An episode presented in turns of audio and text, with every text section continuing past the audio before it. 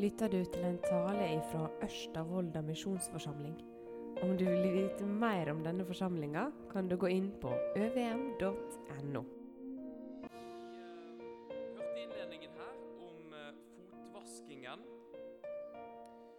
Eh, det var Jesus som viste at han virkelig hadde et tjenersinn. At han var kommet for å tjene, ikke for å herske først og fremst, men for å tjene sine disipler og oss. Og Det som vi skal se litt nærmere på i dag, det er selve nattverden. Påskemåltidet som de delte sammen, og når Jesus da innstiftet nattverden. Så Vi begynner med å lese den teksten, og da leser vi fra Matteus evangelium og kapittel 26. Og Da leser vi fra vers 26 også. Mens de nå holdt måltid, tok Jesus et brød, ba velsignelsesbønnen og brøt det, ga disiplene og sa:" Ta, et, dette er mitt legeme. Og han tok et beger, takket, ga dem og sa:" Drikk alle av det. Drikk av det alle. For dette er mitt blod, den nye pakts blod, som utgytes for mange til syndenes forlatelse. Men jeg sier dere, fra nå av skal jeg ikke drikke av denne vintreets frukt før den dagen jeg drikker den ny med dere i min fars rike. Takk, Jesus, for at du ga oss ditt legeme og ditt blod helt konkret, og at vi kan få ta til oss det og tro på det. Jeg ber nå om at du må vise oss dybden i dette her. Hvordan vi helt ufortjent får ta imot. Hvordan vi helt ufortjent får tro på deg. Velsign denne stunden.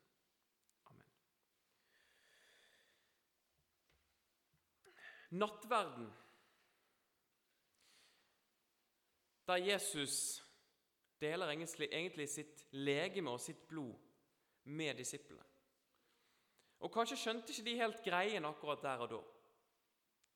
Men Jesus han gir de konkret sin nåde der og da. Og han vet jo det at han skal dø på korset for deres synder. Og at det er derfor han kan gjøre dette. Det er derfor han kan gi sitt legeme og sitt blod på denne måten til sine disipler.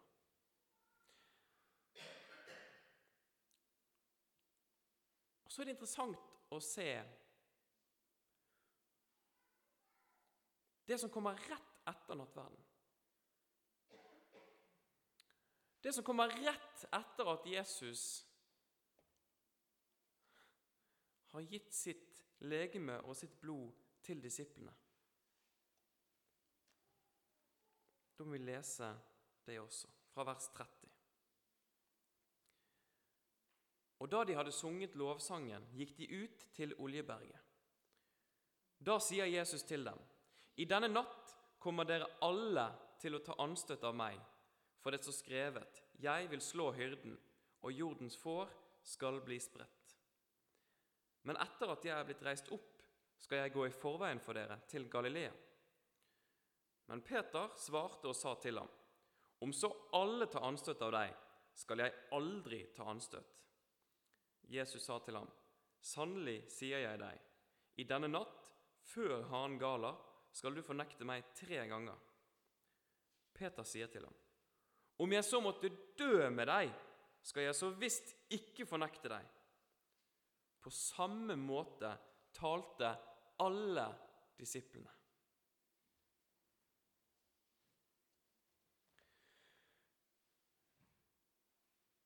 Vi løfter ofte frem Peter som han som er stor i kjeften, og sier at 'Jeg skal ikke svikte deg, Jesus. Jeg skal dø med deg, om det så måtte være'. Og så vet vi at ja, han fornekter Jesus tre ganger. Men så legger vi kanskje ikke så merke til det som står helt i slutten her. At alle sammen talte på samme måte. Alle disiplene sa det at ja, om vi så må dø med deg, så skal ikke vi fornekte deg. Vi skal stå med deg, Jesus. Vi skal være der for deg. Og det høres ut som gode støttespillere og gode venner, ikke sant? Noen som virkelig stiller opp når det gjelder. Men vi skal se hva som ble resultatet av de store ordene når Jesus blir tatt til fange. Da hopper vi til vers 55 for å få med litt kontekst. I samme stund sa Jesus til flokken.: Dere har rykket ut som mot en røver med sverd og stokker for å gripe meg. Dag etter dag satt jeg i tempelet og lærte, men da grep dere meg ikke. Men alt dette er skjedd for at profetenes skrifter skulle bli oppfylt. Da forlot alle disiplene ham og flyktet. Alle hadde vært stor i kjeften. Vi skal stå med deg, Jesus. Vi skal virkelig ikke svikte deg. Han som hadde gitt de så mye. Han som hadde gått sammen med dem i flere år. Og som til og med hadde gitt dem sitt legeme og blod. De sviktet, alle sammen. De var egentlig elendige venner. Lite trofaste. Og gikk på trynet.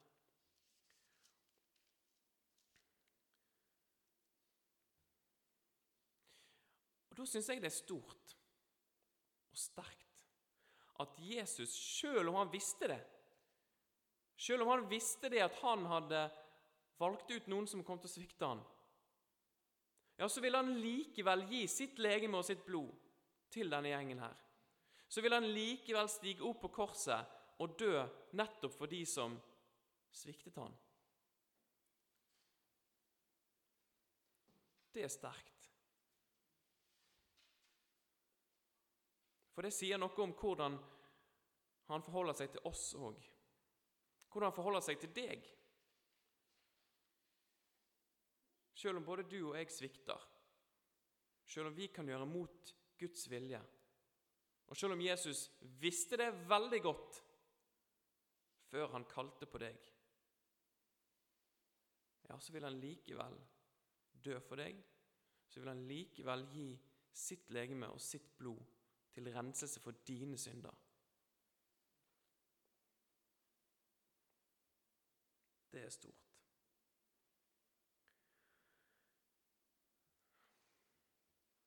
Selv om disiplene kanskje ikke følte seg verdige å komme til Jesus, komme tilbake til ham, så fikk de det. Og selv om du kanskje kan føle deg uverdig i å ta imot hans legeme og blod, ja, så får du likevel det. For det handler ikke om deg, det handler om hva han har gjort.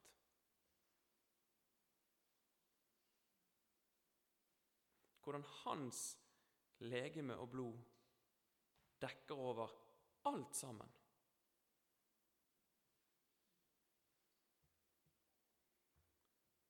Og Hvis vi bekjenner våre synder, så er Han trofast og rettferdig og renser oss for all urettferdighet.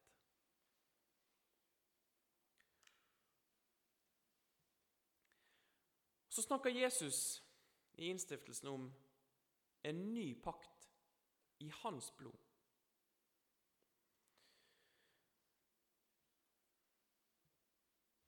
Og det er et viktig begrep.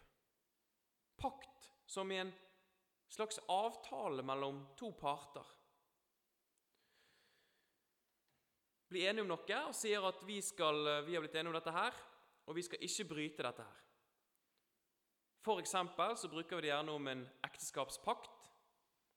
At uh, vi lover å være sammen i gode og onde dager inntil døden skiller oss ad.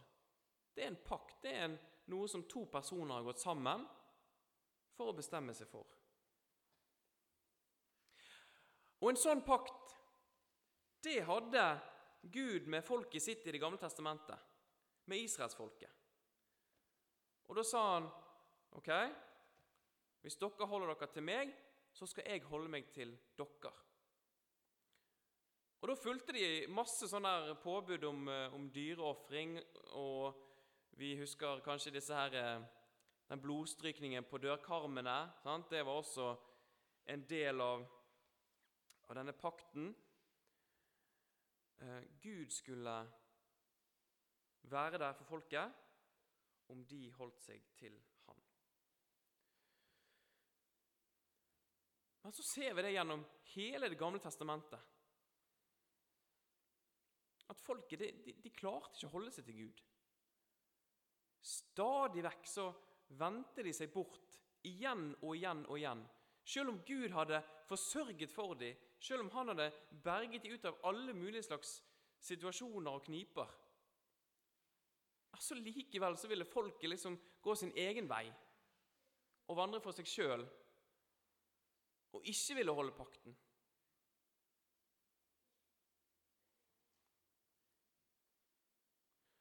Og Så ser vi da noen ganger at Gud kommer med sin rettferdige dom. Og det kan se brutalt ut. Men faktum er at det er faktisk ingen i folket der, det er ingen av oss som egentlig har noen rettighet til å leve, til å puste. Det er kun av Guds nåde. Og så ser vi gjennom hele Det gamle testamentet Vi tenker gjerne på, på Gud som liksom streng i Det gamle testamentet, og så blir han snill i Det nye testamentet når Jesus kommer. Men faktisk så ser vi enormt mye nåde og langmodighet og tålmodighet hos Gud, også i Det gamle testamentet. Det er utrolig hvor mye han holder ut av oss mennesker. Og Jeg merker det i mitt eget liv òg, at det er, det er helt utrolig hvor tålmodig Gud er med meg. Men sånn er han. Sein til vrede og rik på miskunn. På en ubetinget kjærlighet.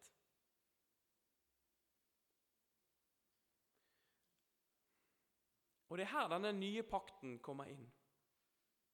I Jesu blod. Og det er at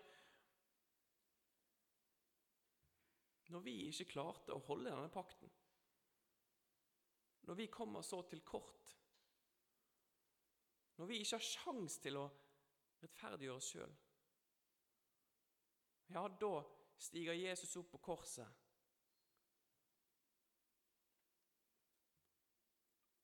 Og så inngår han en pakt med oss der han tar all risikoen, egentlig.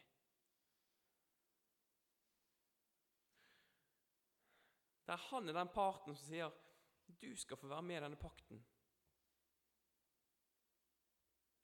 Fordi at jeg har dødd for deg. Fordi at jeg vil gi deg mitt legeme og mitt blod.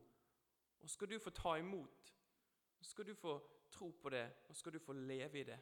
Og så får du leve i den pakten, sjøl om du kommer til kort. Så skal du få leve i den pakten som er en evighetspakt, der du får tilgivelse for alt.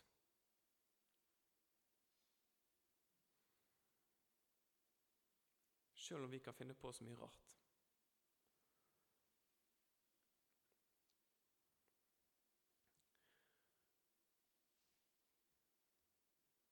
så betyr ikke det at Ok, nå når jeg får leve denne pakten her, så, så kan jeg bare leve akkurat som jeg vil. Bare la det skure og gå. Nei, det var aldri hensikten heller med Guds nåde, med denne nye pakten.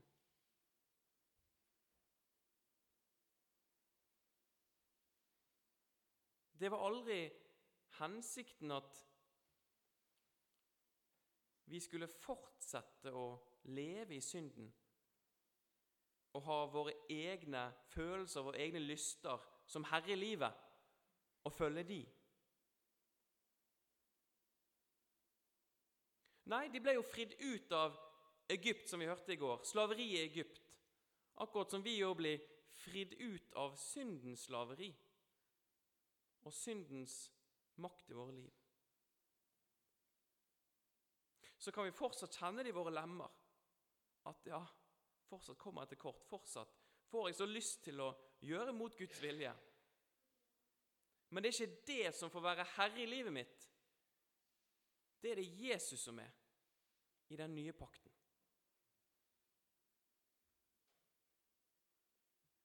Du får hans legeme og blod, og han blir din nye herre i mottagelsen av det.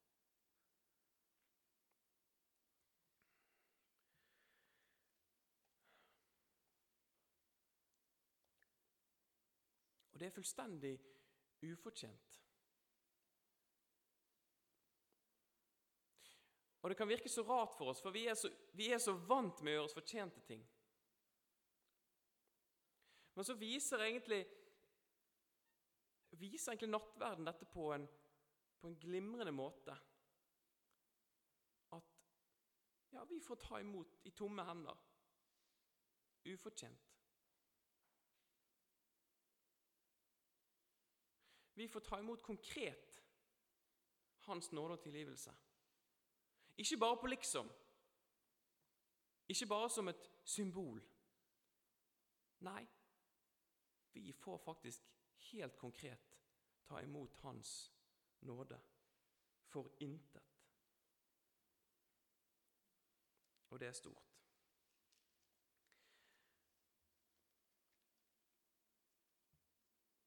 Og Så er det noen vers i første Korinterne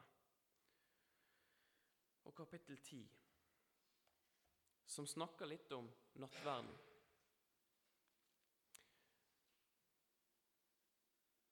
For nattverdsmåltidet det er ikke bare et solomåltid. Det er ikke noe som vi sitter for oss sjøl og tar imot og spiser. Nei, det er et fellesskapsmåltid. Og Jeg vet ikke om jeg har fått full oversikt over hvordan det helt henger sammen, men det virker som det er noen dybder her i nattverden som går mye dypere enn det vi kanskje skjønner. Og Da står det i 1. Korinterne kapittel 10 Nå skriver Paulus og spør retorisk fra vers 16. Velsignelsens beger som vi velsigner, er det ikke samfunn med Kristi blod? Brødet som vi bryter, er det ikke samfunnet med Kristi legeme? Fordi det er ett brød, er vi ett legeme, enda vi er mange. For vi har alle del i det ene brødet. Så det kan se ut som at på en eller annen måte i nattverden så blir vi forenet med Jesus, for vi får hans legeme og hans blod. Men så blir vi også forenet som en kropp, som Kristi legeme. Oss imellom kan det se ut som. At det er noen Det er noen dybde her At vi på en eller annen måte blir bundet sammen i Kristus på en helt spesiell måte når vi også deler nattverd sammen.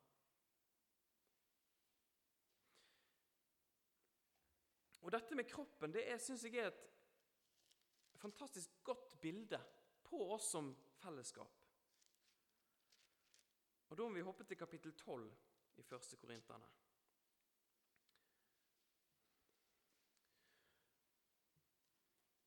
Fordi at det med nattverden det viser oss at kristenlivet er ikke et sololiv.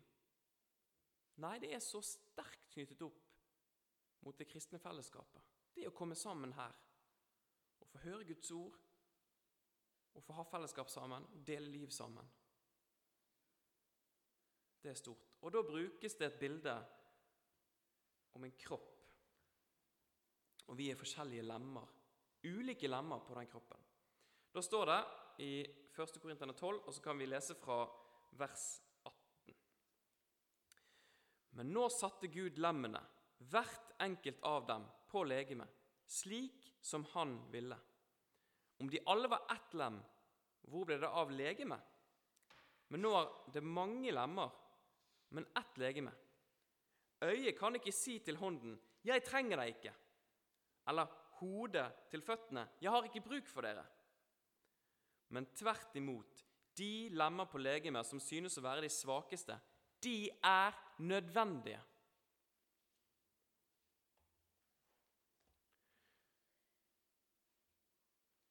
Hva betyr det?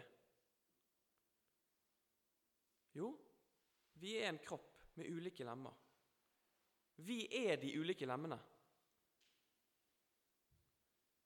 Og teksten sier veldig tydelig her at ok, når du, du er et lem på Kristi kropp, ja, så er du faktisk viktig på kroppen. Du er faktisk viktig for dette fellesskapet. Det er ikke uviktig at du er her. Nei, for du er faktisk et lem. Og når du er borte, ja, så er det faktisk noe som mangler på legemet. Og det er ikke fordi at eh, du er så fortreffelig i deg sjøl, egentlig. Men det er fordi at Gud har satt deg der.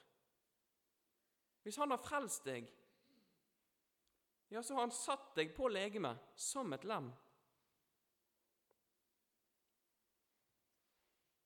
Med gaver, med utrustning, med personlighet. Bare ved å være her til stede. så kan Gud bruke deg, så vil Gud bruke deg. Og Det betyr også det at du kan ikke gå og si til noen andre ja, fordi du er litt annerledes enn meg altså, Jeg syns ikke du hører hjemme her. Eller du har ikke noe særlig å bidra med. Nei, du kan ikke det. For det er de lemmene som synes å være svakest, de er nødvendige. Og du kan faktisk heller ikke si om deg sjøl at 'ja, nei, jeg har nå ingenting å bidra med', og 'nei, jeg er nå bare med på lasset', og Nei. Du er faktisk et lem på legemet som er viktig fordi Gud har satt deg der. Og så leser vi videre i vers 26. Om ett lem lider, da lider alle lemmene med. Og om ett lem blir hedret, da gleder alle lemmene seg.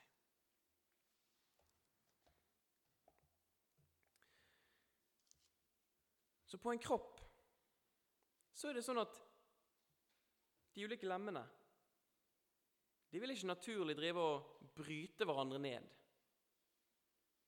Nei, de vil bygge hverandre opp. Sånn at hvis du faller og slår deg på kneet, så vil du helt instinktivt gå med hendene der for å beskytte.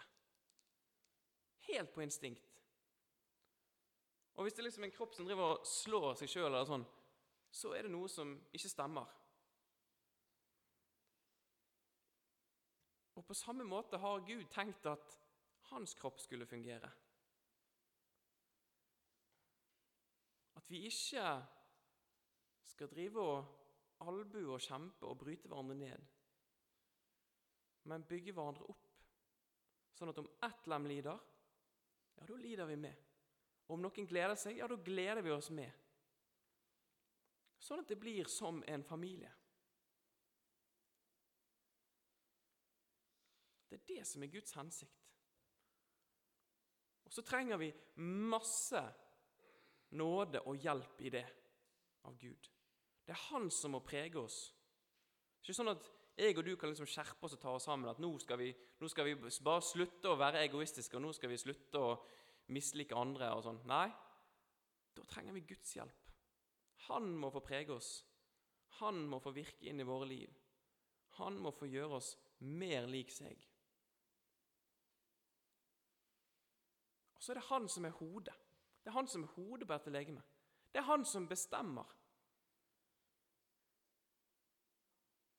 Det er det han har sagt i sitt ord som, som gjelder.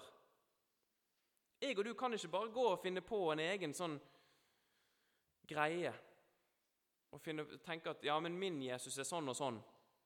Nei, da skaper vi vår egen Gud i vårt eget bilde. Nei, det er Han som er hodet, og Han som er herre for oss. Han som bestemmer, det er Han som leder.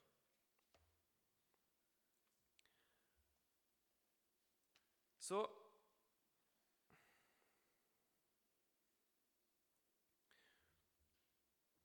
Du får komme og ta imot nattverden.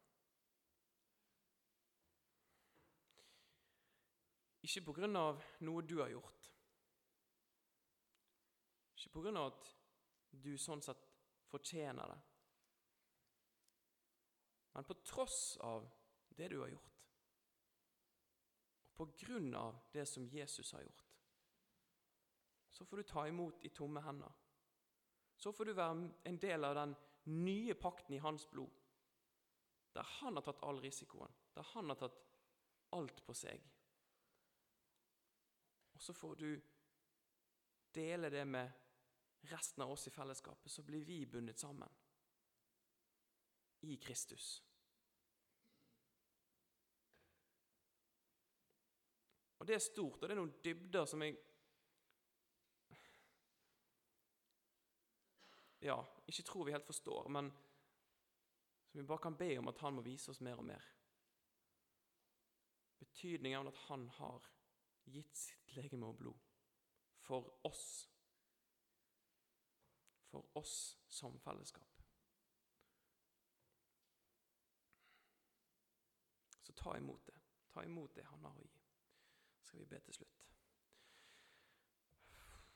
Ja, takk. Takk, kjære Jesus, for at du var villig til å bære alle våre synder opp på korset. Du var villig til å gi oss ditt legeme og ditt blod. At du ville gi det til disipler som kom til å svikte, og at du vil gi det til oss i dag. Takk for det. Takk for at vi får ta del i den nye pakten i ditt blod. At vi får leve i det, at vi får ha deg som frelser, og at vi også får ha deg som Herre. Takk for at du har gitt oss òg fellesskapet. At vi kan få komme sammen som ulike lemmer, og at vi kan få ja, være i deg og bli bundet sammen med hverandre. Det ber jeg om at du må gjøre. Må du gi oss ditt hjerte og ditt sinnelag mot hverandre, sånn at vi kan være en kropp med ulike lemmer som bygger hverandre opp og ikke bryter hverandre ned. Må du lede oss, må du hjelpe oss i alt dette. Så takker jeg deg for at vi får ta imot ditt legeme og ditt blod her i dag. Velsigna stunden.